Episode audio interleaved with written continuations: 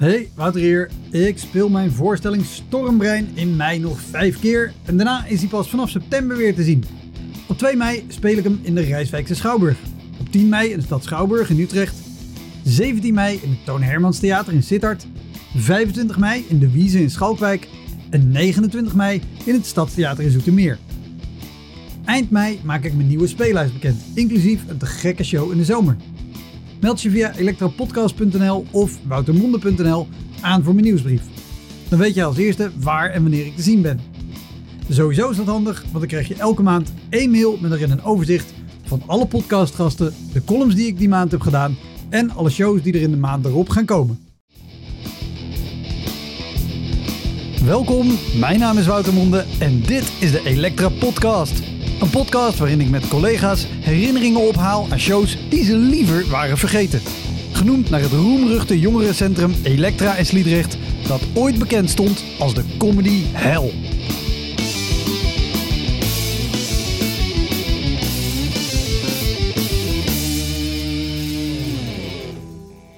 In deze aflevering praat ik met Nina Delacroix, presentatrice. Nou, en toen heb ik dus die eerste avondvullende voorstelling gemaakt. Alles kan kapot heette dat. En ik vond het verschrikkelijk.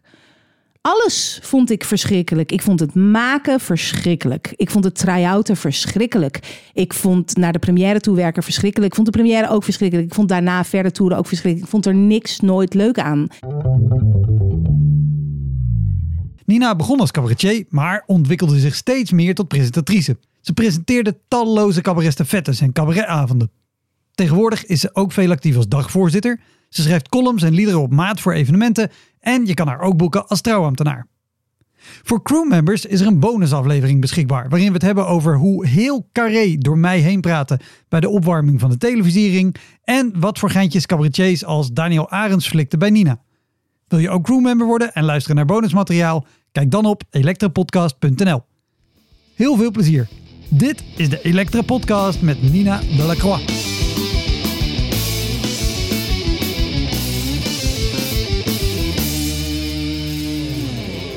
Ik ging googlen even vanochtend op jou. En dan vind ik heel veel dingen over uh, je kinderen en je familiesituatie. ja. Dat ik dacht, ja, heel interessant. Maar dat wil ik niet weten. Hé, wat jammer. Ik dacht dat we daar nu een uur over zouden gaan praten. Uh, maar wel dat je in 2006, 2007 Zeven. finale Amsterdamse Kleinkunstfestival hebt gedaan. Ja, ja, nou ja, daar, daar begint meteen mijn ellende al. Dus nou, we, we, kunnen er, top, dus, we kunnen er vol in. zijn Wauw, dit klinkt alsof ik een hele goede voorbereiding heb gedaan. ja, ja, zeker. Nee, maar eh, leuk dat je me hebt gegoogeld. En ja, het begon allemaal in 2007 met het Amsterdamse Kleinkunstfestival waar ik aan meedeed. Ik heb uh, twee studies gedaan. De Frank Sanders Academie voor Musical Theater afgerond. En daarna de Amsterdamse Toneelschool en Kleinkunstacademie ja. ook afgerond. En toen studeerde ik af en was ik keihard werkeloos. Zoals volgens mij zoveel van ons. Het is wel dat je meestal de succesverhalen ziet van mensen die die opleiding heeft, gedaan, hebben gedaan. Maar er zijn er ook heel veel die gewoon dan denken: en nu? Wel audities doen, maar niet aangenomen worden. Niet precies weten nou ja, waar de gaten zitten in het werkveld. Dus en ik, denk ook dat, dat voor iedereen die af is gestudeerd en heel groot is geworden, zijn er ook één of twee nu een hele goede trainingsacteur. Zeker, zeker. nou ja, en dat ben ik dus. maar goed, nee, ja, afgestudeerd en hartstikke werkeloos. Daar waren we. Oh, zo gaat dit gaan natuurlijk. Dit Allemaal zo zijtakken en zo. Ja. Uh, Oké, okay. uh, dus wat uh, dacht ik te gaan doen? Me inschrijven voor een festival. Ja. Ehm, maar ik had nooit echt aspiraties om solo cabaretier te worden. Was niet iets waar ik echt van dacht, dat is wat ik wil gaan doen. En wat, wat wilde je dan wel? Want je doet er wel twee opleidingen voor die redelijk ja, die richting uitgaan. Het is een gestoorde situatie dat je dan afgestudeerd bent en dat je dan denkt, ja, en nu dan? Ik weet niet precies wat ik voor ogen had. Ik had misschien een beetje gehoopt dat ik gewoon uh, opgepikt zou worden. Dat mijn talent zo groot was. Dat mensen gewoon zouden zeggen: Wil je in mijn productie spelen? En dat je dan gewoon van het een in het andere rolt. Ik dacht er uh, uh, heel makkelijk over eigenlijk. Maar dat, zo gaat dat natuurlijk helemaal niet. Dus toen dacht ik wel, ja, maar ik wil wel met mijn vak bezig blijven. ondanks dat ik allemaal bijbaantjes moest doen die niks met mijn vak te maken had. Um, dus toen dacht ik, dan ga ik me daarvoor inschrijven. En dan is het Amsterdamse Kleinkunstfestival helemaal... als je dus nog helemaal geen materiaal hebt... en nog helemaal niet nou ja, voorbereiding hebt getroffen... is het Amsterdamse Kleinkunstfestival het beste festival. Want dan begin je met 10 minuten auditie... Als je door bent naar de volgende auditie, 20 minuten, daarna een half uur. En als je dan geselecteerd wordt, krijg je een tour waardoor je eraan kan werken. En dan ga je naar de halve finale of finale. En uh, dus dat was voor mij eigenlijk de perfecte vorm. Dus met de 10 minuten audities had ik 10 minuten. En bij de 20 minuten auditie heb ik er 10 minuten bij geschreven. En dan had ik 20 minuten. En bij de 30 minuten auditie hetzelfde. Dus het groeide ook uh, gaandeweg. Um, maar ik had, ik had niet zoals sommigen hebben dat, dat ze al heel veel ervaring hebben of dat ze heel veel. Had je ook überhaupt dan tijdens je, tijdens je opleidingen nog niet daarbuiten gespeeld? Of alleen gewoon in, in, in bestaande producties? Alleen in bestaande producties. En je had wel op school etudes heette dat. En dat was dan meestal 7 à 10 minuten van eigen materiaal. Of, of je mocht ook een monoloog uitkiezen. En dat doen dus dat je een beetje leerde om zelf dingen te maken en ja. zelf te gaan spelen. Dus ik wist wel dat ik dat kon.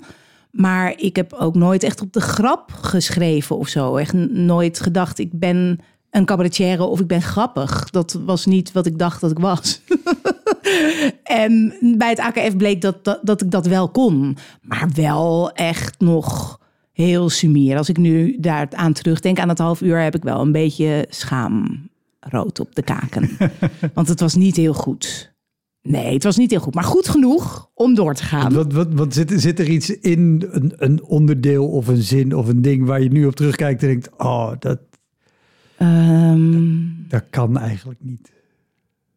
Nou, eigenlijk voornamelijk het, het hele onderwerp van het half uur. Maar ik denk dat dat ook hoort bij jonge kunstenaars. Ik had natuurlijk heel weinig meegemaakt nog. Dus waar het over ging, was dat ik eh, ongeluk had in de liefde. Dat ik uit Edam kom en eigenlijk uh, meer wereldser wilde zijn. Maar dat er in mij toch gewoon een Edams meisje zit. En dat ik daar los van wilde gaan. En dat ik dan naar Parijs ging om daar mezelf... Liftend? Te... Nee, niet eens liftend. Dat cliché heb ik dan overgeslagen. Maar voor de rest heb ik alle clichés heb ik gewoon aangetikt. En ook dat ik denk, ja, boeien. Waarom ga je een half uur kijken naar een vrouw die 26 is en nog helemaal niks heeft meegemaakt in het leven en gaat praten over ik ga naar Parijs om mezelf te ontdekken?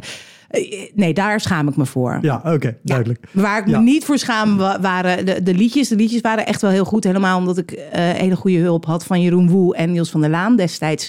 Al hele goede vrienden van mij en gelukkig nog steeds. En Niels die had uh, Le Flamande vertaald voor mij naar Poldervrouwen. Ja.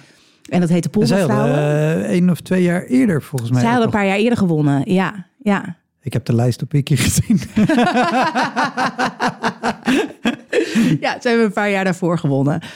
En uh, dat heeft Niels zo mooi vertaald. En, en uh, ik denk dat dat ook een van de grootste redenen is waarom ik de finale heb gehaald. Dat, dat, dat, dat, materiaal. Maar dat was helemaal niet mijn materiaal. Het was en van Brel en van Van der Laan. En Jeroen Woe had allemaal dingen voor mij. Die had het in elkaar gezet en zo. Dus ja, het, het is meer hun succes dan wat het mijn succes was. Dat maakt niet uit. Er was succes. Er was succes, want ik haalde de finale. En, maar dat was meteen mijn eerste grote, mega verschrikkelijke ervaring. Kijk, nou, nou zijn we waar ik heen wil. Ja.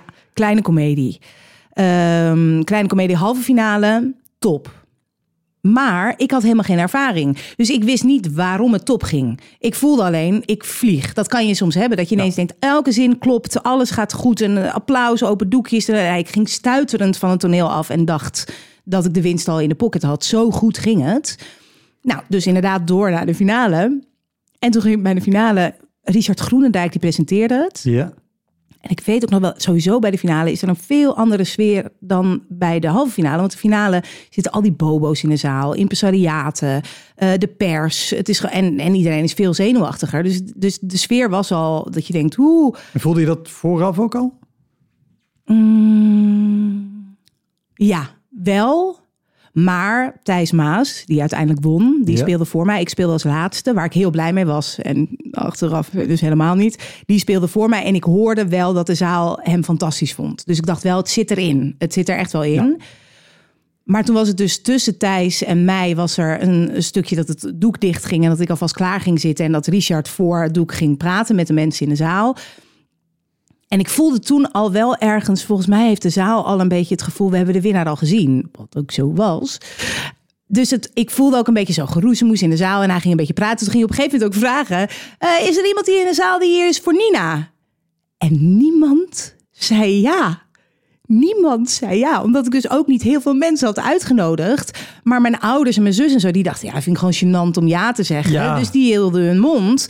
Waardoor het helemaal zo stil viel. Want het wordt ook nog gênanter als je zegt ja, ik. En zeggen wie ben je dan? Ja, ik ben de moeder van Nina. Precies, Dat- dat- als nee, al ook alleen je moeder is er. Sowieso zou ik toch zeggen, sorry Richard, maar niet gaan vragen, kom Ik je voor die? Nee, ik doe het nooit Nee, bij dit soort dingen. Niet doen. Ik, ik, wat, wat ik nog wel doe, is dat ik dan zeg... eh, weet je, als je hier voor één iemand bent... sowieso even benadrukken... wees er ook voor de andere deelnemers. Ja, ja, ja, ja. En dan, dan een applausdingetje of weet ik wat. Maar in ieder geval dat iedereen dat doet voor degene waarvoor die gekomen is tegelijk. Ja, Maar nooit, want het is zo gênant. nou als- dat gebeurde mij. Oh, het was is- helemaal stil. En uiteindelijk st- stak één iemand zijn vinger op. Maar dat was een oud buurmeisje van mij van heel vroeger... die ik al jaren niet gezien had. Dus dat werd een heel gênant gesprek. Want het was het, "Hé, ken je Nina goed? Nee, eigenlijk niet. En jij hoorde dit alleen maar van achter het doek. Het was niet dat je nog kon zien van... oh, maar dit, ik zie een paar bekende gezichten... en ik zie dat die uit beleefdheid niks zeggen. Nee, gewoon een totale stilte. En alle mensen in de kleine komedie denken ook... Nina heeft geen vrienden en familie. Er is niemand voor Nina. En degene die er wel is, dat is een oud buurmeisje... die er al jaren niet gesproken heeft. Het was gewoon echt een... Oh, kakkie nakkie. Het was echt niet oké.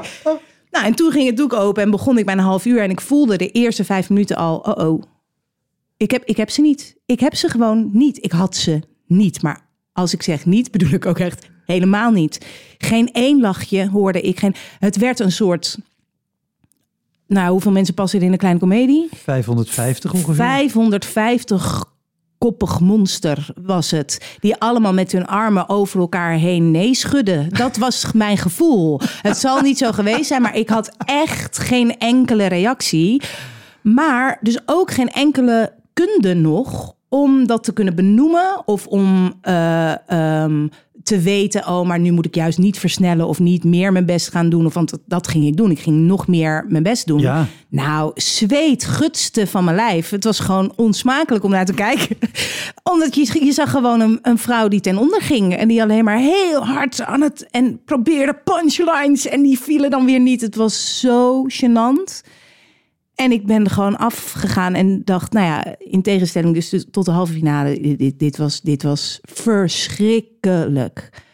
Ik heb me zo rot gevoeld daarna. Ja, en, en, en even nog voor de, de- daarvoor. Want dan zit je achter dat doek, je hoort dit gebeuren.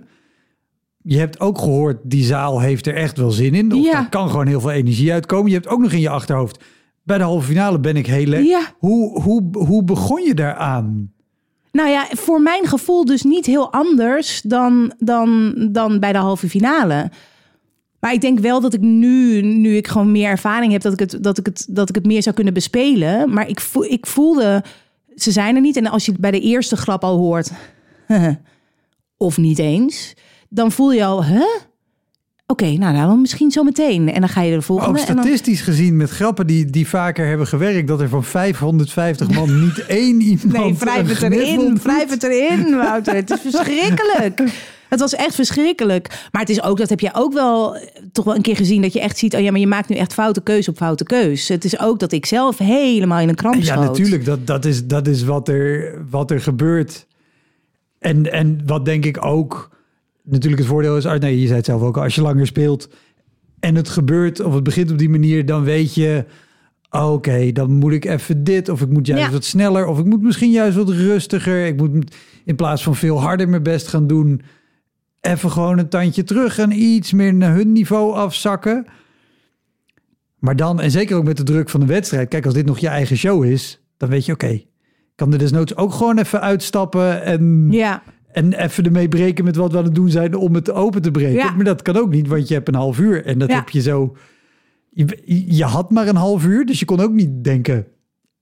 Ik doe een ander blokje van vijf minuten. Nee, en ik had ook nog niet de vrijheid. Want nu, doordat ik heel veel ben gaan presenteren, net zoals jij, dan leer je die vrijheid te pakken. En Ja. leer je ook eh, als het een keer wat stugger gaat. Want het kan nou eenmaal gebeuren dat je denkt van, oh, maar, maar dit loopt eventjes niet. Dat je de boel open kan breken door even een andere opmerking te maken. Of het juist wel te benoemen Precies. ook echt. Maar die vrijheid had ik nog helemaal niet. Het was gewoon een geramd half uur. En, en ik eh, had het talent ook gewoon nog niet om dat te kunnen doen. En, Dus- en überhaupt, eh, wi- wist je hoe je... Want de Kleine Comedie heeft twee balkons. Of Ja. drie, als je de hele rare kleine zijbalkonnetjes Oh, ja. boven het bovenste balkon ook nog mee... Wist je überhaupt hoe je dat moest bespelen? Nee, nee. Dus die halve finale was gewoon een toevalstreffer. Eh, Wel, ik bedoel, ik, ik kon het wel. Mhm. Dat, dat, ze waren niet gek, maar het was wel da- dat, je, dat, dat het mazzel was dat het gewoon toen allemaal mee zat. En dat het dus pech was dat het bij de finale gewoon allemaal tegen zat. Het, eh, het, het, ik, het zat nog niet in mijn vingers. Dus het was gewoon waaien met de wind die op dat moment En dan, waaide. dan kom je af, nou dan ga je naar Oh, beneden, want er zijn de oh, kleedkamers. ja, oh. sorry, we gaan dit helemaal Oh, uitmelken. Ik wil het niet. Het was Want- zo afschuwelijk. Want het is een finale, daar Oh. hangt ook nog van alles vanaf. Ja. En dat kan je in je hoofd heel groot maken, of sommige mensen minder groot, maar je weet echt wel wat er, wat er mogelijk is. W- Hoeveel op de avond? eh, de tweede was je? Nee, ik was derde. Oh, derde, oké, ja, ja. Thuis was tweede en ik was laatste. En ik was juist heel blij dat ik als laatste was. Want de ervaring was, toen we aan het toeren waren... dat als laatste is altijd de lekkerste plek. Ja, dan is de Dus zaal was- helemaal klaar. Ja, dus ik was super blij dat ik als laatste was. Terwijl nu denk ik echt ja, dat ze al helemaal dachten... Deze, deze man, wat fantastisch. En toen kwam er nog een soort van appendix-vormig eh, lelijk programma En dan, achteraan. is er, ik gok zo maar, een juryoverleg en dan is er Ja. nog een, een gastoptreden. Ja, En dan komt de uitreiking. Ja, nou eigenlijk was die tijd, vond ik het meest verschrikkelijk. Want wat je dan krijgt is dat je in de, in, in de kleedkamer zit en dat je dan naar je... Sorry, ik ja, schuldig, zo ik- erg. Ik zit al zo te genieten bij wat gaat komen. Nee, je wat het ergste is, is ook al die mensen eromheen. Want je voelt jezelf wel zo kut. Maar dan kijk je je gitarist aan. En je gitarist kijk je terug in Maarten Ebbers. Die is nog steeds, eh werkt er nog steeds mee. Is een goede vriend ook. Maar die keek me ook een soort aan. Ja, hij kon ook niks zeggen om het te verzachten. Hij zei alleen maar, ja, dat ging niet goed. Ik zei, nee, dat ging niet goed. Nou, dan komt je begeleider eraan. Want Rob van der Meeberg had me een paar keer gecoacht. En die zei ook, ja, dit was niet goed. Ik zei, nee, dit was niet goed. en, en dan het daarna... ook niet door. Oh, en Vivienne, dat was de, eh, Directrice? de directrice. Nou, de, die, da- daar, daar valt alles aan af te lezen op dat hele ge- gezicht. Dus die kwam ook langs iedereen. Nou, de horror die ik zag in haar gezicht terwijl ze mij aankeek. Gewoon echt, ja, nee. Nee, sorry meisje, dit was gewoon echt heel slecht. Dat zei ze niet, maar ik zag het helemaal. Een soort, nou, goed gedaan hoor. Weet je, weet je, dat, dat- hoe je je daar tot moet verhouden, is gewoon niet te doen. Het is niet te doen. Nou ja, en toen dan allemaal in de coulissen gaan staan en dan wachten op het juryberaad. Gelukkig, nu hebben ze dat iedereen op het podium moet zitten tijdens het hele jury. Nu was het dat we in de coulissen stonden en dat we te horen kregen wie wat had gewonnen. En ik had natuurlijk helemaal niks gewonnen. Ik had niet de publieksprijs gewonnen. Ik had Oh, niet maar de dat is wel een juryprijs gewonnen. voordeel. Want zo op het podium moeten staan en dat Oh, en aanhoren. dat dan, nee. En dan wel nog gewoon heel professioneel blijven Nee. lachen. Nou, we moesten wel nog op hoor daarna. Want toen hadden ze nog heel leuk een derde prijs, een tweede prijs en een eerste prijs. Dus toen was het. En de derde prijs gaat naar Nina. Ik zei, oh, moet je op het podium oplopen? Dankjewel. Uh, oh. De, de, de verschrikking. De verschrikking. En toen daarna dus dan de, de foyer in. En dan dus je ouders en je zus en al die mensen. Mijn zus die was helemaal uit Engeland. Die woonde toen in Engeland overgekomen om te Oh, komen echt? kijken. En die zat ook naar mij te kijken. Ja, het was gewoon niet goed. Het was gewoon niet goed. Dus je voelt je gewoon ook gewoon schuldig naar al die mensen om je heen. En dat je, je weet ook niet hoe je je moet houden. Zij kunnen ook niks zeggen om het nou beter ja, te nogmaals, maken. omdat er niet meer mensen voor jou waren gekomen. Nog mazzel, ja. Oh, de pijn. En dan thuiskomen in zo'n donker huis. En dan zo je sleutels op dingen. En dan denken, dit was het dan. Oh, het zo erg. Zo erg. Had je, had je ook echt dat gevoel, dit was het, dit, dit, dit pad, dit carrièrepad is, is Ja, dacht ik wel een beetje. Dacht ik wel een beetje. Maar ik was ook echt wel bleu daarin. Dus omdat ik ook niet dit ooit had bedacht dat ik dit wilde doen. Dus dat ik überhaupt eigenlijk de finale heb gehaald is al heel knap eigenlijk. Omdat ik dus niet eh, al zo lang bezig was ermee. Dus ik wist ook niet dat er daarna recensies kwamen. Ik wist het niet. Er kwamen recensies. Dus dan krijg je dat ook nog die week daarna in de Volkskrant en NRC. En, maar mijn mazzel was dat ehm, ik zo erg de underdog Hoor je dat getik van een toetsenbord? Dat is Richard van Zwarte Kat, die nu in Delver aan het zoeken is naar de recensies. Stuur ze naar me, Richard. Dankjewel. Nee. nee, maar deze recensies waren nog niet eens zo heel erg. Omdat ik zo duidelijk de underdog was van die Ja. finale. Dat ze me eerder een beetje omhoog schreven. Dan Ah, oké. dat ze me naar beneden schreven. Dus er stond wel overal terechte en overtuigende winnaar. Ja, ja, Ja, natuurlijk. maar niet Maar terechte verliezer. nee, niet, oh wat was dat tenenkrommend Dan slecht. denk je het, eh, even tussendoor ook niet dat juist die, die onervarenheid eh, heeft geholpen om zo snel zo ver te komen. Dat je er gewoon, Ja. dat zie je heel vaak en ik heb dat zelf ook wel meegemaakt. Doordat je nog zo onervaren bent en alles gewoon zo, oh, maar dit is leuk, oh, dit doe ik. Ja, ja. En in dat enthousiasme kom je opeens veel Zeker. verder. En op het moment dat je dan gaat nadenken over wat je aan het doen bent, Ja, dan, dan zakt het in. En vaak gaat het daarna dan wel weer beter. zeker. Het is ook echt een mazzel geweest dat ik zo naïef was. En ik vond ook toen uiteindelijk dus die recensies kwamen en de gesprekken met impresariaat en zo, dacht ik ook natuurlijk had Thijs moeten winnen. Want Thijs was al twee jaar eerder afgestudeerd en die was- hij had heel veel gemaakt. En die had al zelf theaters afgehuurd om een avondvullende voorstelling te maken. Die wilde heel graag zijn eigen dingen gaan maken. En had dus het beste van het beste uitgezocht om mee te doen aan, eh, aan het AKF. En die stond in de startblokken. Die wilde ook gewoon. Terwijl ik dus niet eens wist dat er recensies en impresariaten kwamen. Dus het, het, het, het is ook gegaan zoals het Ja. moest gaan. Alleen ik had hem liever niet op deze manier willen meemaken. Gewoon derde prijs, maar dan wel lekker spelen. Had ik ook eh, wat fijner gevonden. Ja. Maar goed, er kwam alsnog een impresariaat naar me toe. Dat is eh, iets wat, wat nu voor de winnaar niet eens vanzelfsprekend is. Een beetje. Ik dacht, ik jij wilde zeggen, dat is naar aanleiding van je verhaal een wonder. Nee, nee, nee, nee. nee. dus toen kreeg ik een impresariaatje en, eh, en, en ben ik alsnog, het was een klein impresariaat in Haarlem van Engelenburg Theaterproducties. Ja. Eh, Henrike? Nee?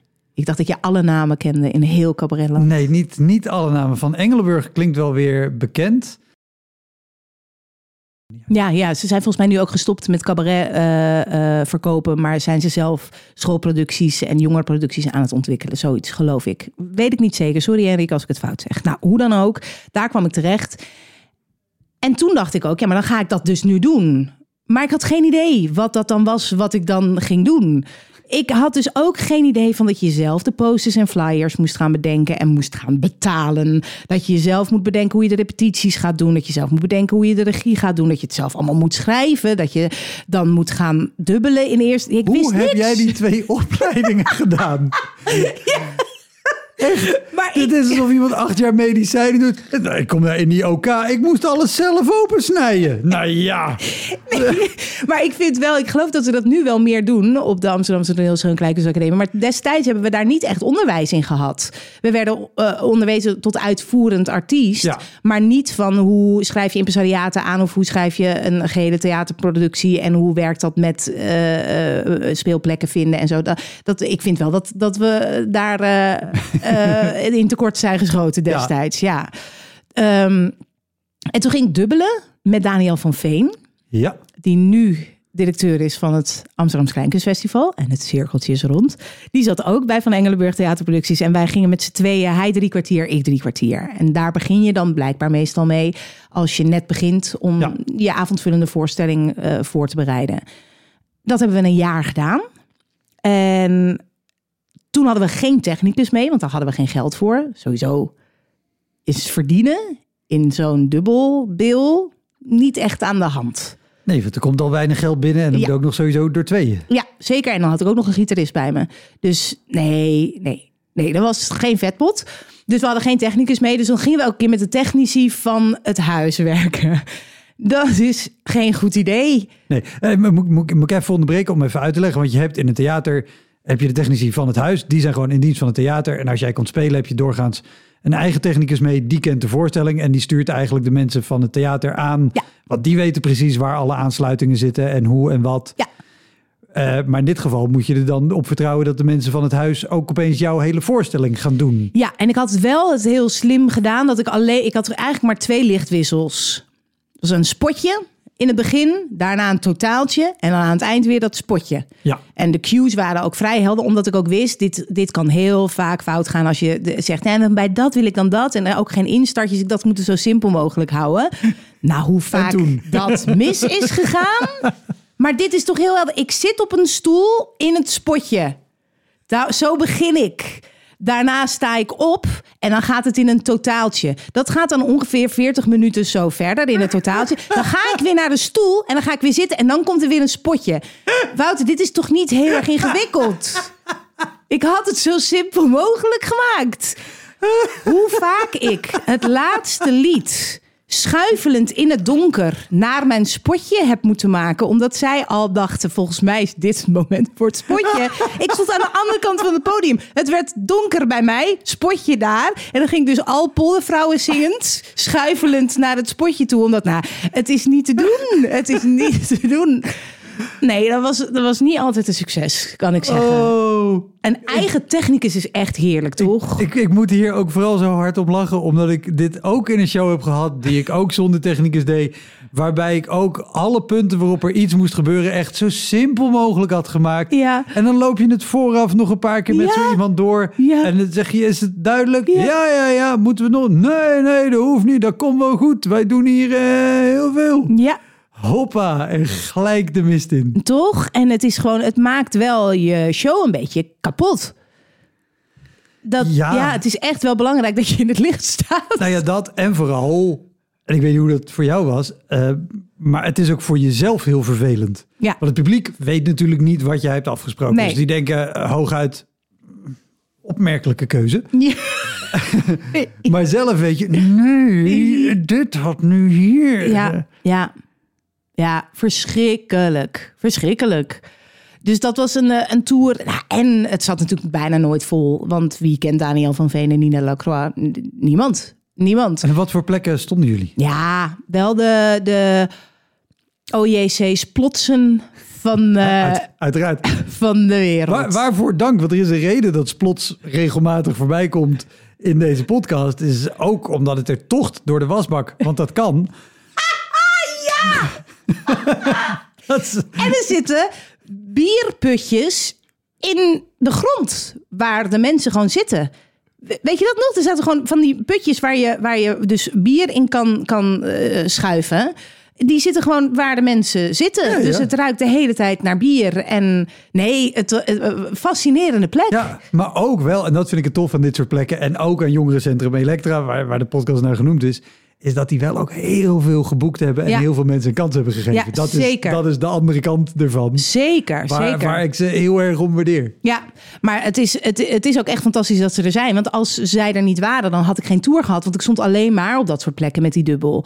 Eh, buurtcentra, meer CC, de bla bla bla. In plaats van een schouwburg of een klein theater. Ja. waren gewoon. Ik heb ook wel gestaan in Enschede bij iets wat dan ook een instituut is voor geestelijk gehandicapten.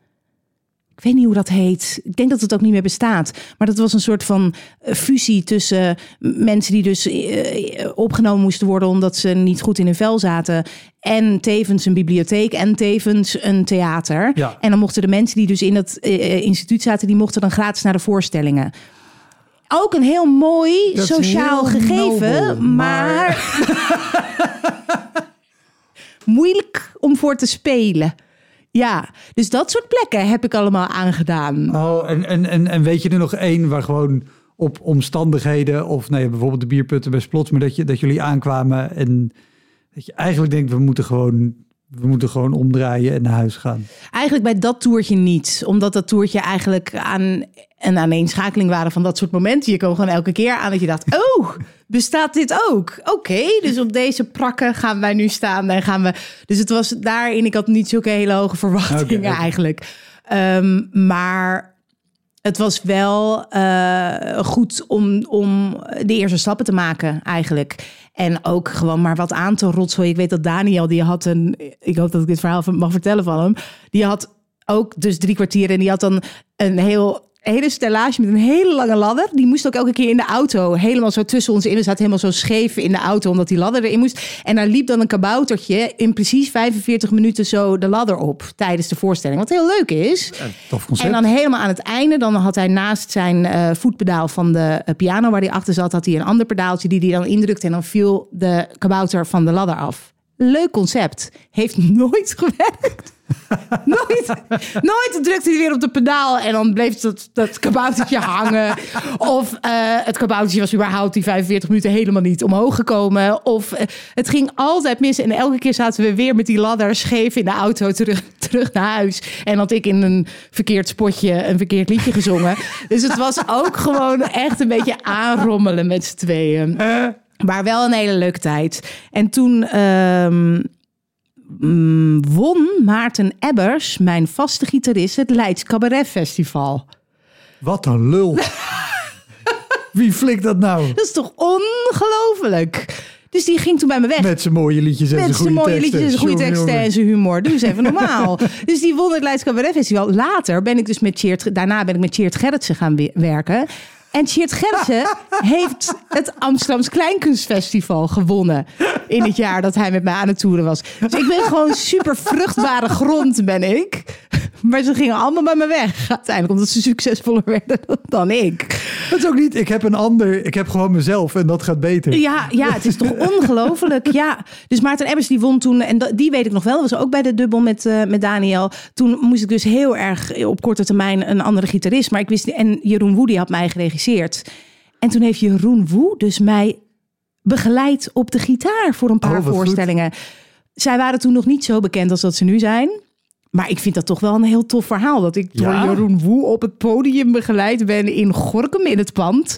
Waren we daar dan en gingen we dan met z'n tweetjes naartoe. Dat was super gezellig. Maar dat zou je je nu niet meer kunnen voorstellen. Mensen denken echt andersom. Andersom. We willen Jeroen horen. Wat is dit? Waarom kijken we drie kwartier naar die vrouw die we niet kennen? Dus dat, dat eh, is toen ook gebeurd. En toen ging ik dus eh, werken aan mijn eerste avondvullende voorstelling. Ook weer met Jeroen als regie en Cheert Gerritsen dus op de gitaar. En toen eh, ben ik pas echt begonnen in mijn eentje. Nou, daar zijn ook leuke verhalen over. Ja, sowieso. Want, eh, ik vind het heel leuk om er helemaal chronologisch doorheen te gaan. Maar wat wel gelijk in mijn hoofd schiet. de- de- klopt het dat je ook de publieksopwarming doet bij, Bij Even tot hier. Ja. ja. ja. En want, want heb jij ook bij andere dingen opwarming gedaan of niet? Of Eh, alleen- nee, nee. Het was, eh, ik, ik ben dus eh, door alle horrorverhalen die nog zo meteen gaan komen, heb ik besloten om niet meer zelf avondvullend te gaan spelen. ik vond dat niet zo'n succes. Dus toen ben ik gaan presenteren. Ja. En bij Cabaret Savette en bij het AKF en bij het Leids Cabaret Festival. Ik heb heel veel avonden aan elkaar gepraat. En dat past als een handschoen. En dat wisten de jongens ook, Niels en Jeroen. En toen zij dus zelf, nadat de quiz gestopt was, gingen ze zelf een eigen tv-programma maken, even tot hier. En toen dachten ze, ja, we hebben een publieksopwarmer nodig. Maar dan willen we eigenlijk het liefst dat Nina dat doet. Maar ik had het nog nooit gedaan. Maar ze zeiden, ja, het is eigenlijk hetzelfde als presenteren. Maar dan voor ons Ja. en in een tv-studio. Ja, ah, oké. En toen eh, ben ik daar dus be- begonnen. Dat is het eerste seizoen heb ik gedaan. En we zitten nu in seizoen 9 en ik doe het nog steeds. Ja, oké. Ja. Nee, nee, ik, ik, ik, had, ik had de hoop dat je ook nog andere dingen had gedaan. Ik kan me voorstellen dat... Heb ik ook gedaan. Allemaal verschrikkelijk. Ik wou zeggen, want dit is volgens mij een hele leuk... Weet je, ik doe eh, de avondshow in Zonder met Lubach heb ik altijd gedaan. Dat is geweldig om te doen. Hoi, Wouter hier. Luister je vaker Elektra? Dan is het een goed idee om crewmember te worden. Je doneert dan automatisch elke maand een klein bedrag. En in ruil daarvoor krijg je extra afleveringen, consumptiebonnen om in te wisselen als je eens live bij mij komt kijken. En je krijgt een unieke link waarmee je voortaan de podcast luistert zonder dat ik halverwege onderbreek om te vragen of je crewmember wil worden. Zoals nu. Dus, word crewmember. Dat kan al vanaf 1 euro per maand. In de omschrijving van deze aflevering vind je een linkje voor meer informatie. Oké, snel weer terug. Maar Ja. als- als jij andere dingen hebt opgewarmd, dan heb jij ongetwijfeld Ik dingen heb meegemaakt. precies, ja, ik nee, ik heb precies dezelfde ervaring. Het is, het is bij even tot hier. Kijk, ik denk ook, en dat is bij Luwach natuurlijk ook zo. Dat zijn wel theatermensen. Dat en die weten, zoveel. en, en eigenlijk zijn Niels en Jeroen dus ook altijd bezig met eigenlijk bijna een theatervoorstelling neerzetten voor de mensen in de zaal. Dus het is gewoon een uur en ze proberen het zoveel mogelijk achter elkaar te doen met zo min mogelijk stopjes. Ehm, dus het publiek komt ook naar een show kijken. Ja. En, en dat is hoe we het ook uitdragen. Daardoor voelt het voor mij dus ook echt hetzelfde als presenteren. Ja, Eh, maar bij andere tv-programma's is dat echt niet het wat, geval. wat is de, de, de lastigste, zonder misschien per se een naam te noemen van het programma, maar, Nou, wat ik sowieso heel lastig vind, is betaald publiek. Dan, dan, moet je even uitleggen wat betaald publiek ik leg even uit wat betaald publiek is. Nou, ik vind daar dus ook, is hetzelfde wat jij zegt over de televisiering. Er is zoveel meer uit te halen. Dan heb je dus zo lang gewerkt aan een concept. Eh, voor een tv-programma. Er zit zoveel geld in. Je hebt helemaal bedacht wie het moet presenteren, welke gasten er moeten zijn, et cetera, et cetera. En dan wordt net niet die stap gemaakt naar maar welk publiek willen we hebben. Dus mensen weten het niet te vinden. Dus ze denken, we hebben publiek nodig. Dus wat gaan ze doen? Vragen aan mensen. Wil je voor een boekenbon of voor, ik weet niet wat ze krijgen, 75 euro? Nee, nee, nee, nee, nee, veel minder. Veel minder Dit- nog. Dit, dit zijn figurantenbureaus, die regelen ook figuranten voor Oh, het gewoon- zijn bureaus voor. Ah ja. Ja, en dat, dat is echt misschien een tientje of twee tientjes. En, en, en, en een gevulde koek en een kop koffie vooraf. Ja, ja. En dan gaan ze dus ergens naartoe waar het publiek eigenlijk meestal ook nog niet eens van weet wat het is. Want het boeit ze niet. Ze krijgen er geld voor en ze hadden een vrije avond. Dus je hebt mensen in de zaal die helemaal geen hart hebben voor waar ze naar gaan kijken. Ze hebben geen idee. Dus ik moet als publieksopwarmer soms vaak nog uitleggen. Nou, we zijn hier voor dit en dit programma. Oh, nou wat leuk. Ik denk, oh mijn hemel. en ze zitten daar en ze weten dus ook niet hoe lang het duurt. En het zijn dan meestal ook producties die dus niet zo bezig zijn met het moet kort. Dus die zitten er soms ook twee uur lang in de airconditioning. Ze mogen niet naar de wc. Ze krijgen geen eten of drinken. Dat gaan ze allemaal wel aan mij vragen natuurlijk. Nou, dat vind ik echt verschrikkelijk. Verschrikkelijk. Want ik wil vriend worden van hun. Dat is Ja. de bedoeling. Maar ja, dat, dat, dat kan eigenlijk niet. Want zij denken alleen maar... waarom geef je ons geen deken en eten? Ja, het is, het is niet... Je krijgt geen goede connectie met mensen. Dus nee, ik wil, dat wil ik echt niet meer. Nee. Dat wil ik niet meer. En ik vind echt serieus een oproep aan de, aan de omroepen. Doe daar iets aan. Het is, je kan het, want het hele programma wordt ook minder leuk doordat je geen Ja, leuk ja, publiek ja. hebt. Zorg voor leuk publiek. Zorg ervoor dat je dat op wat voor manier dan ook gaat werven. Maar het is bijna de helft van je programma, joh. Precies. En, en als je niet die moeite in je publiek wil steken, dan moet je jezelf afvragen: moeten we dit wel met publiek doen? Ja. Doe het dan zonder als je er geen moeite voor wil doen. Ja, precies. Ja, hoe vaak je dan... Want dan moet je dus wel zo'n publieksopwarmer worden die zegt... Allemaal weer even rechtop zitten.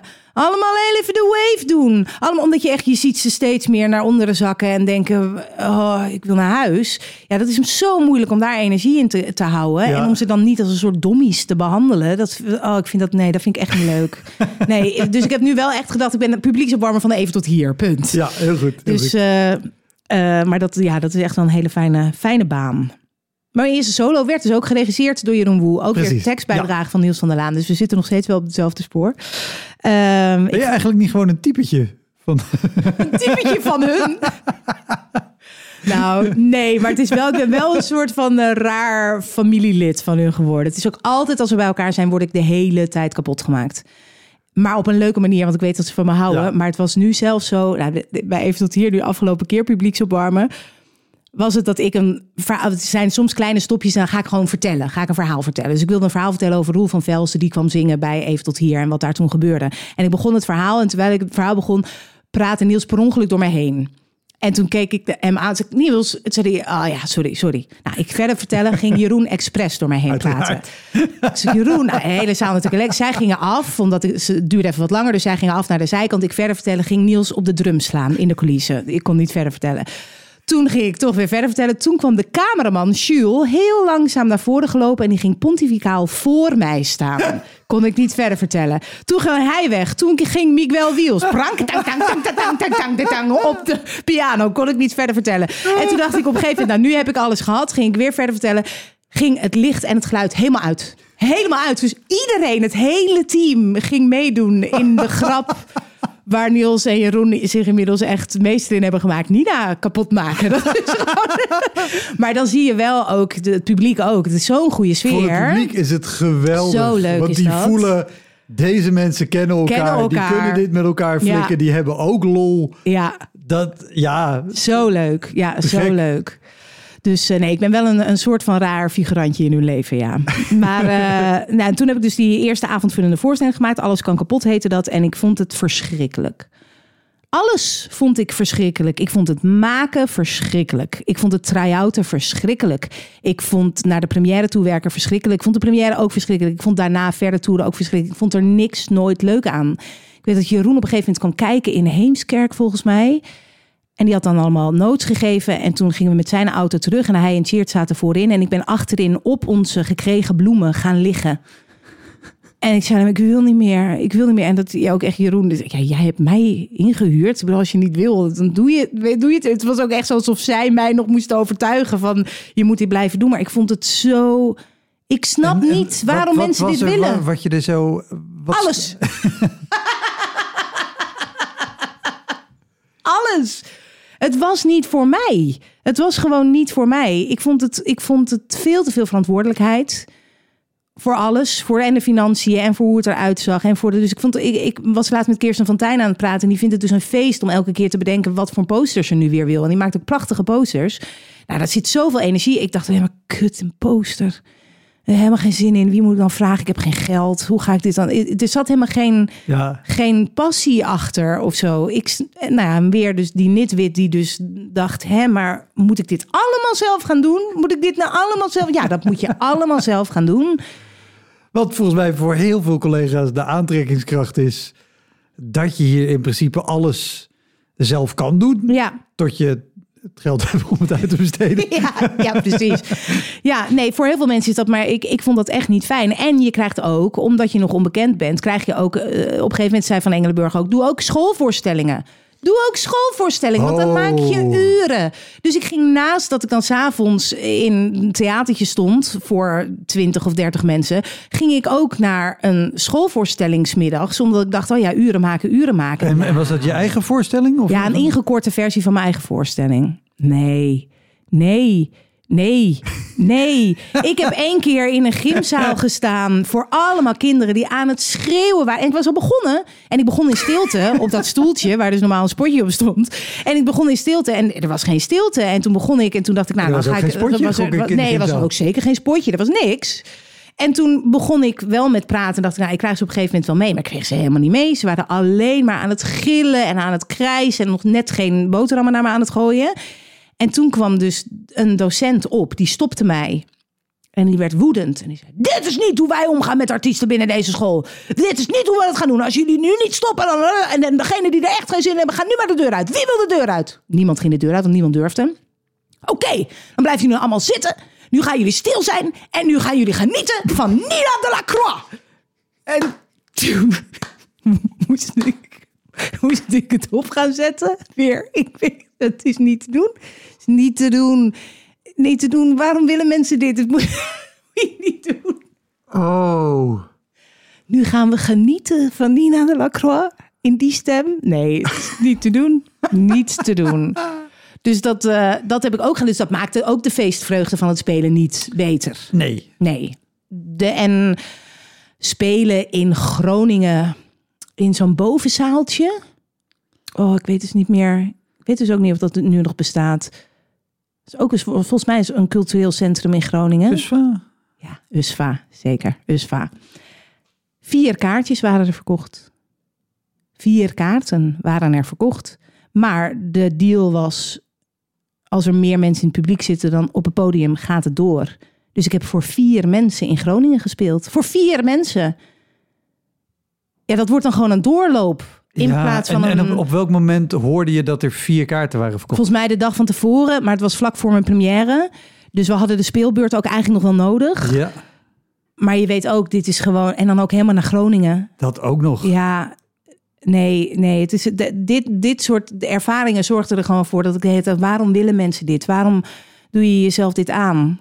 Om... Want zaten er ook, en dit is tegenstrijdig voor mij om ernaar te vragen, zaten er dan ook shows tussen die, die wel leuk waren? Nee, maar je, je, ergens haal je wel toch de energie of de, de, nou ja, die- het vermogen om door te gaan uit.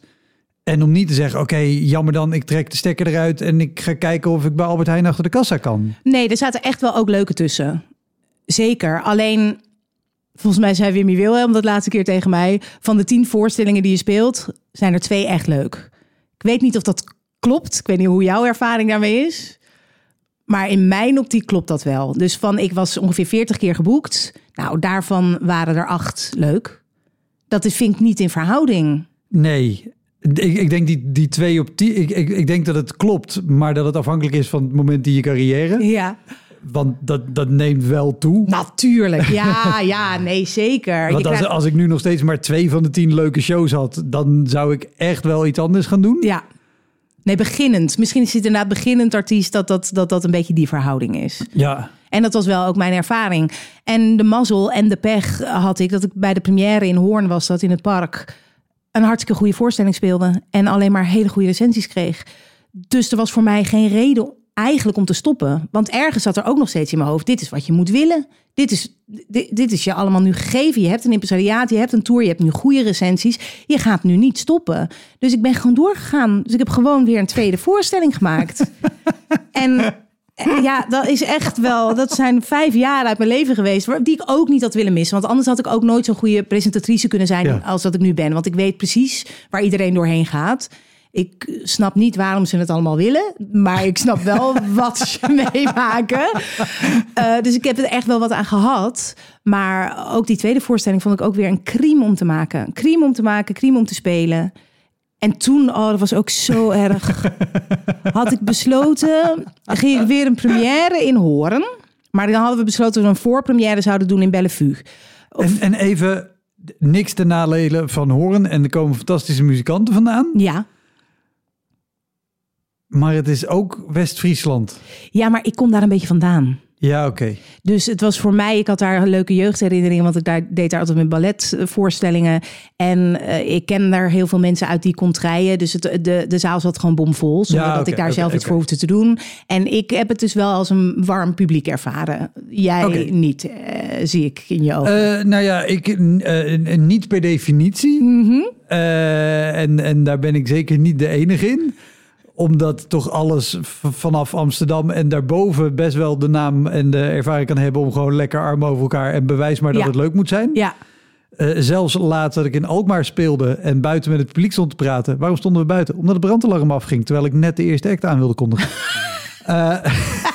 echt waar. met iedereen er buiten. En toen stond ik met iemand erover te praten. En de man ik zei, ja, wij kunnen ook wel een lastige zaal zijn hoor. Ja, Joep van Dekker gaat. Nou, die krijgt niks hier. Dat is mooi man. Oh, echt? Hè, waarom ben je hier trots op? De, je kan ook gewoon iemand het voordeel van de twijfel geven. En het Nee, blijkbaar is dat dan iets wat ze tof vinden, ja. Ja. Althans, die man die je sprak. Laten we ze niet ja, allemaal nee, over één kam scheren. Precies. Maar goed, daarom eh, tweede eh, première ook weer een Ook horen. weer een in Bellevue. Omdat we dachten, dan geven we iets meer pers de theater in, mogelijkheden. in Amsterdam met hele lange cabarettraditie en Ja. cabaretpubliek. En daar speel je dan meestal ook eh, een paar avonden. Ja. Dus ik speelde daar vier avonden, waarvan dan de laatste avond de voorpremière was. En dan eh, de dag daarna ging ik in première in Hoorn.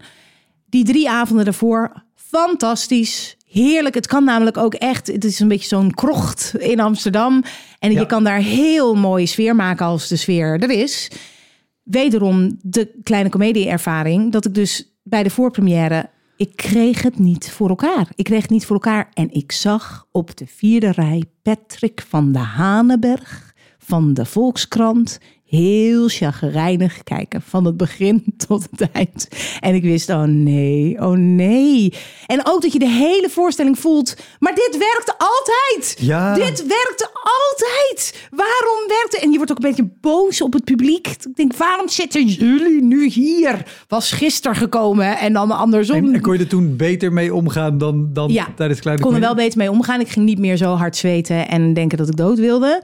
Maar het was wel, nou ja, mijn eerste echt niet goede recensie. En, en die eh, kwam van Patrick, ja. En, en ook wist je, want eh, Patrick van Hanenberg, recensent van de Volkskrant, eh, niet per se een recensent die bekend stond Nee. om zijn milde pen. Nee, en toen was hij nog milder dan nu. Dus ik ben heel blij dat hij nu niet meer bij mij in de zaal kan zitten. Maar nee, we zijn allemaal doodsbang voor die man. En tegelijkertijd vinden we hem heel erg niet leuk. Maar ook heel erg wel leuk als je een keertje lieve woorden van hem krijgt. Hij heeft Ja, echt een bepaalde positie gecreëerd in de cabaretwereld. Hij, hij, is, hij is nu bezig met een, een enorm boek over stand-up comedy. Oh, dat En wist ik- ik niet. En ik heb hem de laatst over gesproken. En het is een ontzettend aardige vent. Is het een ontzettend aardige Het vent? is echt een ontzettend aardige vent. Ik kan niet anders zeggen. Is het een ontzettend aardige vent? Ja, alles wat je denkt op basis van de, van de recensies... Ja. Is, is in persoon diametraal anders. Nou, ik zou dan echt graag een keertje met hem, want hij is echt een soort draak in mijn hoofd geworden. Ja, Patrick van Hanenberg. Die, die, En, die... en weet je nog wat, wat hij schreef in die recensie? Oh. Nee, ik heb dat echt wel. Ik hoor nu weer Richard van Zwarte Kat op zijn toetsenbord zoeken naar die recensie. Nee, ik heb het echt een beetje verdrongen. Het was ook heel onaardig, want hij had mij in een dubbel recensie gezet met Veronique Sodano. Die was ook in die week in première gegaan. Maar dubbel recensies vind ik sowieso, doe geen dubbel recensies. Nee. Dus hij, hij vatte ons tweeën samen onder een soort van vrouwencabaret. En we kregen niet veel sterren. Ja, heel rare, rare recensie was, maar het was niet positief. Zeker niet. Ik weet de zinnen, zinnen alleen niet meer, want die heb ik gewoon verdrongen. En, en was de recensie op de dag van je première of later? Wel later, Oké, gelukkig. Ja. Niet dat je dat 's ochtends leest. Nee, gelukkig heb ik dus de première wederom heel goed gespeeld. En kwamen er toen ook nog één of twee eh, goede recensies binnen. Maar het was voor mij toen wel duidelijk. Ja, maar als ik nu ook nog mijn eerste slechte recensie... Nu wil ik gewoon niet meer. Ik wil niet meer. En toen heb ik dus na die eh, tour heb ik besloten om niet meer avondvullend te gaan spelen. En toen ben ik gaan presenteren. Ik zit even te denken of er nog iets was... Nee, in die tour wat echt naar boven sprong als negatief. Nee. Want zat er wel groeien qua theaters en publiek? Zeker wel. En ik denk ook wel dat ik, ik, ik had het er toen ook met Jeroen over van ja, hoe lang ga ik dit nog doen? En toen zei hij, je kan het doen zolang als je wil.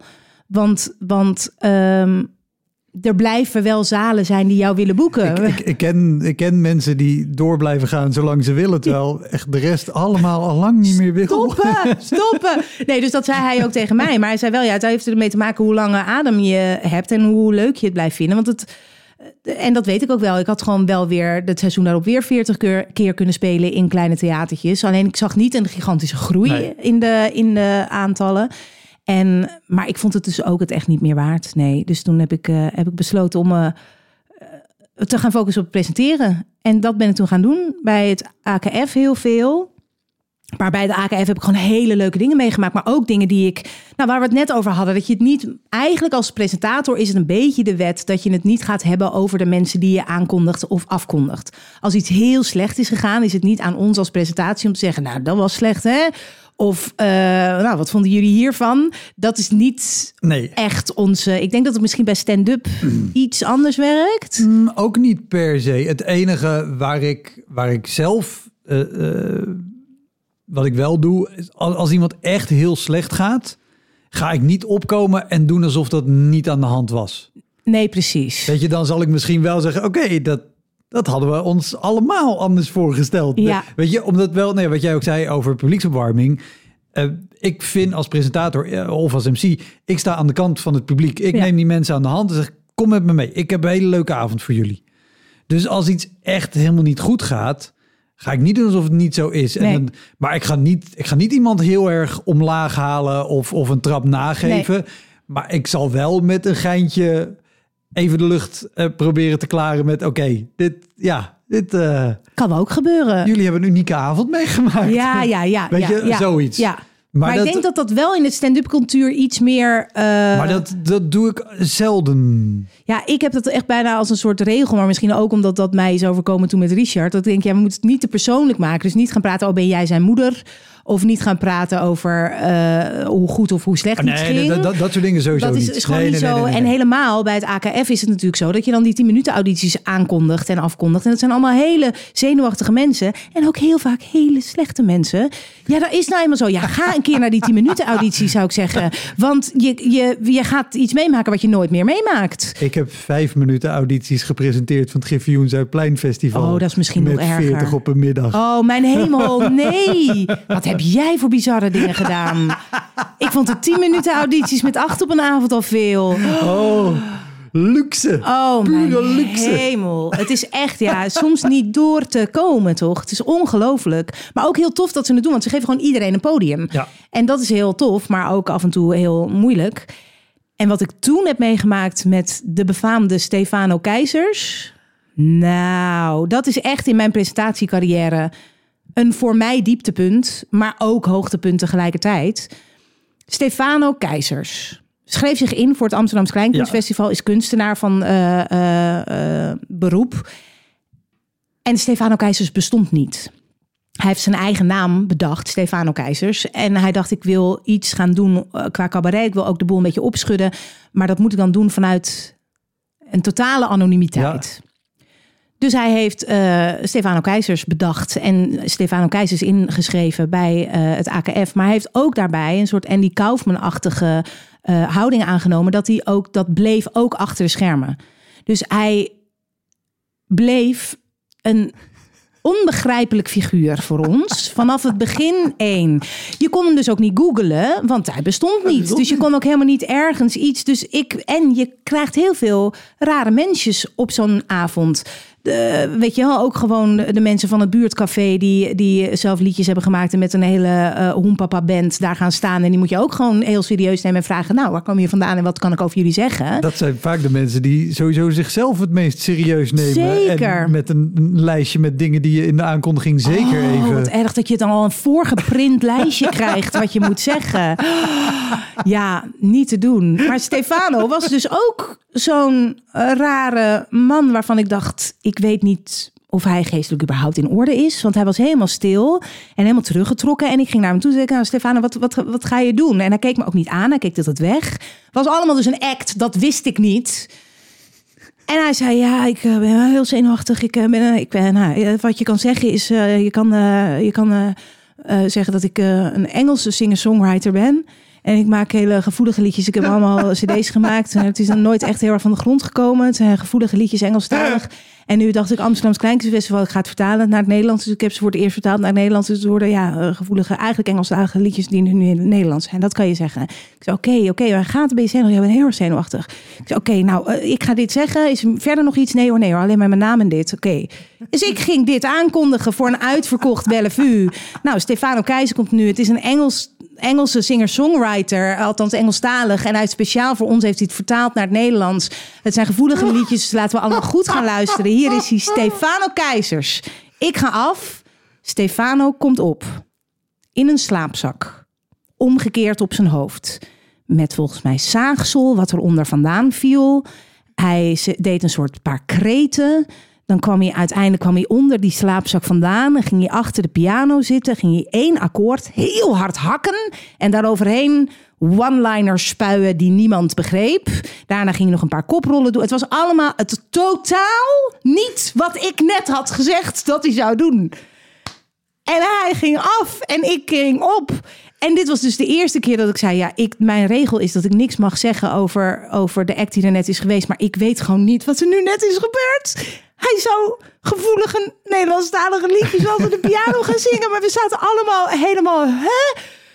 Dus ik, ik voelde me ook echt een beetje. Dat heb ik het dan verkeerd begrepen? Of wat is hier gebeurd? Maar ja, ik wist dus ook niet of hij door zou gaan of niet. Hij ging door. Hij heeft het uiteindelijk gewonnen. Yep.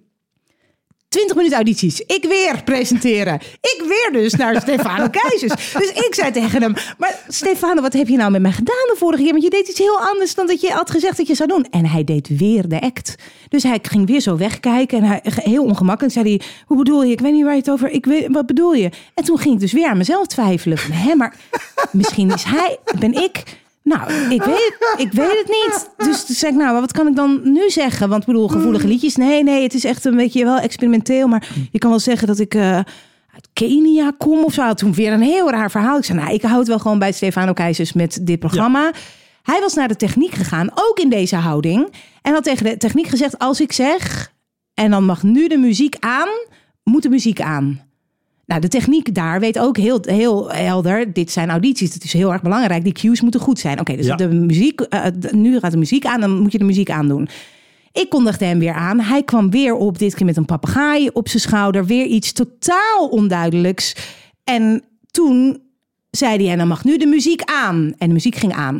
En hij zei: Nee, nee, nee, nee.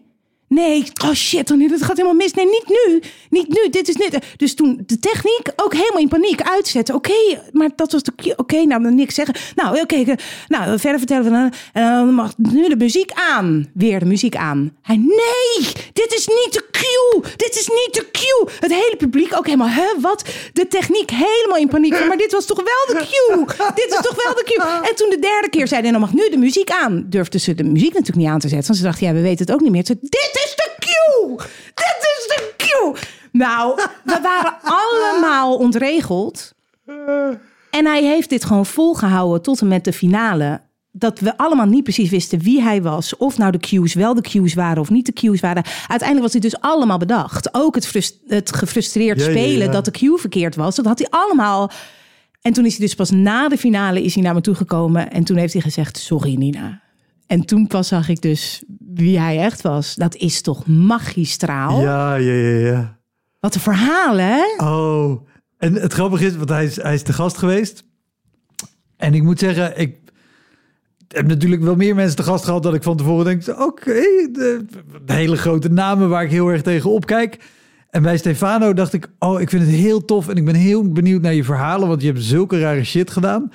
Maar ik was ook heel bang dat hij dus precies dit zou gaan doen. Heel erg ontregelen en rare dingen en weet ik wat. En gelukkig was hij heel erg eh, eh, zichzelf, gewoon Ja. heel erg over. Die een ontzettend lieve vent is. Zo lief. Echt een Zo lief. En, en het grappige was, hij heeft dus ook, we hebben het ook heel erg gehad over de hele aanloop tot aan AKF, wat voor hem eigenlijk een soort laatste strohalm was om, om artistiek iets te gaan doen. Ja. Maar ik was heel erg bang ervoor dat dat zou gebeuren. Ja, maar jij snap dat, ik. Ik heb het aan den lijf Jij hebt het ondervonden. meegemaakt. Ja. Oh. En dat is echt als presentatrice heel lastig. Omdat je eigenlijk het gevoel hebt dat ik is ook het, Is publiek... het leuk, maar ja, als je erin zit... ja, ja, het was echt een ervaring die ik nooit zou vergeten. Maar ja, en wel meer mensen. De, de, Overigens, eh, ik eh, deed de eh, publieksopwarming en de zaalpresentatie bij Ik Gestuk, dat televisieprogramma van, Oh ja, ja, ja. van BNN. Waar ze op zoek gingen naar cabarettalent. En Stefano presenteerde dat op beeld. Ehm, maar ja, dat was voor beeld. Dus hij moest die mensen interviewen als ze afkwamen of net voordat ze opgingen. Dus ik deed feitelijk de presentatie in de zaal van dat hele ding. Maar dan ook, dan hadden we de hele opname gehad en dan was het afgerond. Maar daar had Stefano dan nog het woord binnen het programma. Maar die heeft daar ook, dat duurde ook de eerste één of twee afleveringen. Dan liep hij opeens pratend liep hij weg. En dan was hij de zaal uit. En dan laat hij de hele zaal in stilte achter. ja, Dat ik daar ook zat. te- Kom je nog terug? ja, het- Moet ik nu... En dan kijk je heel hulpeloos naar zijn opnameleider. Die ook dat ik... Ik weet ook niet wat hij gaat doen. Nee. En de derde keer weet je, oké... jij gaat dadelijk praten, loop je de zaal uit... en dan weet ik dat ik het over moet nemen. ja, maar het is gewoon ontregelen. En Ja. dat is ook zo mooi dat hij dus de- het theater heeft gekozen om... om eh, want dat is natuurlijk eigenlijk best wel een wereld met regeltjes. En met dan gaan we klappen en dan gaan we... nou- En hij heeft daar heel erg mee lopen spelen. Ja, dat is wel... Ja, ik vind dat heel mooi. Want ik heb hem ook een keer in het Vondelpark gezien... En daar werkte het bijna niet. Omdat het Vondelpark is natuurlijk... Iedereen mag daar gratis naartoe. En dan lopen daar gewoon eh, zwervers... eh, Openluchttheater in het Vondelpark, ja. Er lopen gewoon ook zwervers langs. En, en maffies die dingen er doorheen gaan gillen. Maar hij is ook al zo'n maffie, waardoor het werd echt één grote chaos. en dat, heb je, dat is juist zo mooi, dat hij juist zo'n eigenlijk een nette sector en een net ding als een theater heeft gebruikt om daar Ja, ja, ja. eventjes tegen heilige huisjes aan te schoppen. Ja, ja, echt goed gedaan. Maar daar denk je niet bij na op het moment dat je hem Niet kent zo en moet aan presenteren. en nee. dat niet weet. Nee, ik had geen idee. Top, Ja, dankjewel. dank jou wel. Dat was hem, de Elektra Podcast. Meer informatie over mijn gast van vandaag en linkjes naar van alles en nog wat vind je in de omschrijving van deze aflevering. Er staan ongelooflijk veel afleveringen online van Elektra. En op elektrapodcast.nl kan je makkelijk zoeken op de naam van jouw favoriete comedians en cabaretiers. Je kan daar ook eenmalig doneren of crewmember worden. Als crewmember betaal je maandelijks een klein bedrag, maar dan krijg je ook nog eens bonusmateriaal. Je luistert voortaan zonder onderbrekingen en je krijgt consumptiebonnen die je kan inleveren bij een show van mij. Ik vind het sowieso te gek als je een keer komt kijken bij mij. Dus ga naar woutermonde.nl, daar zie je precies waar en wanneer ik optreed. Of meld je aan voor de nieuwsbrief, dan hou ik je op die manier op de hoogte.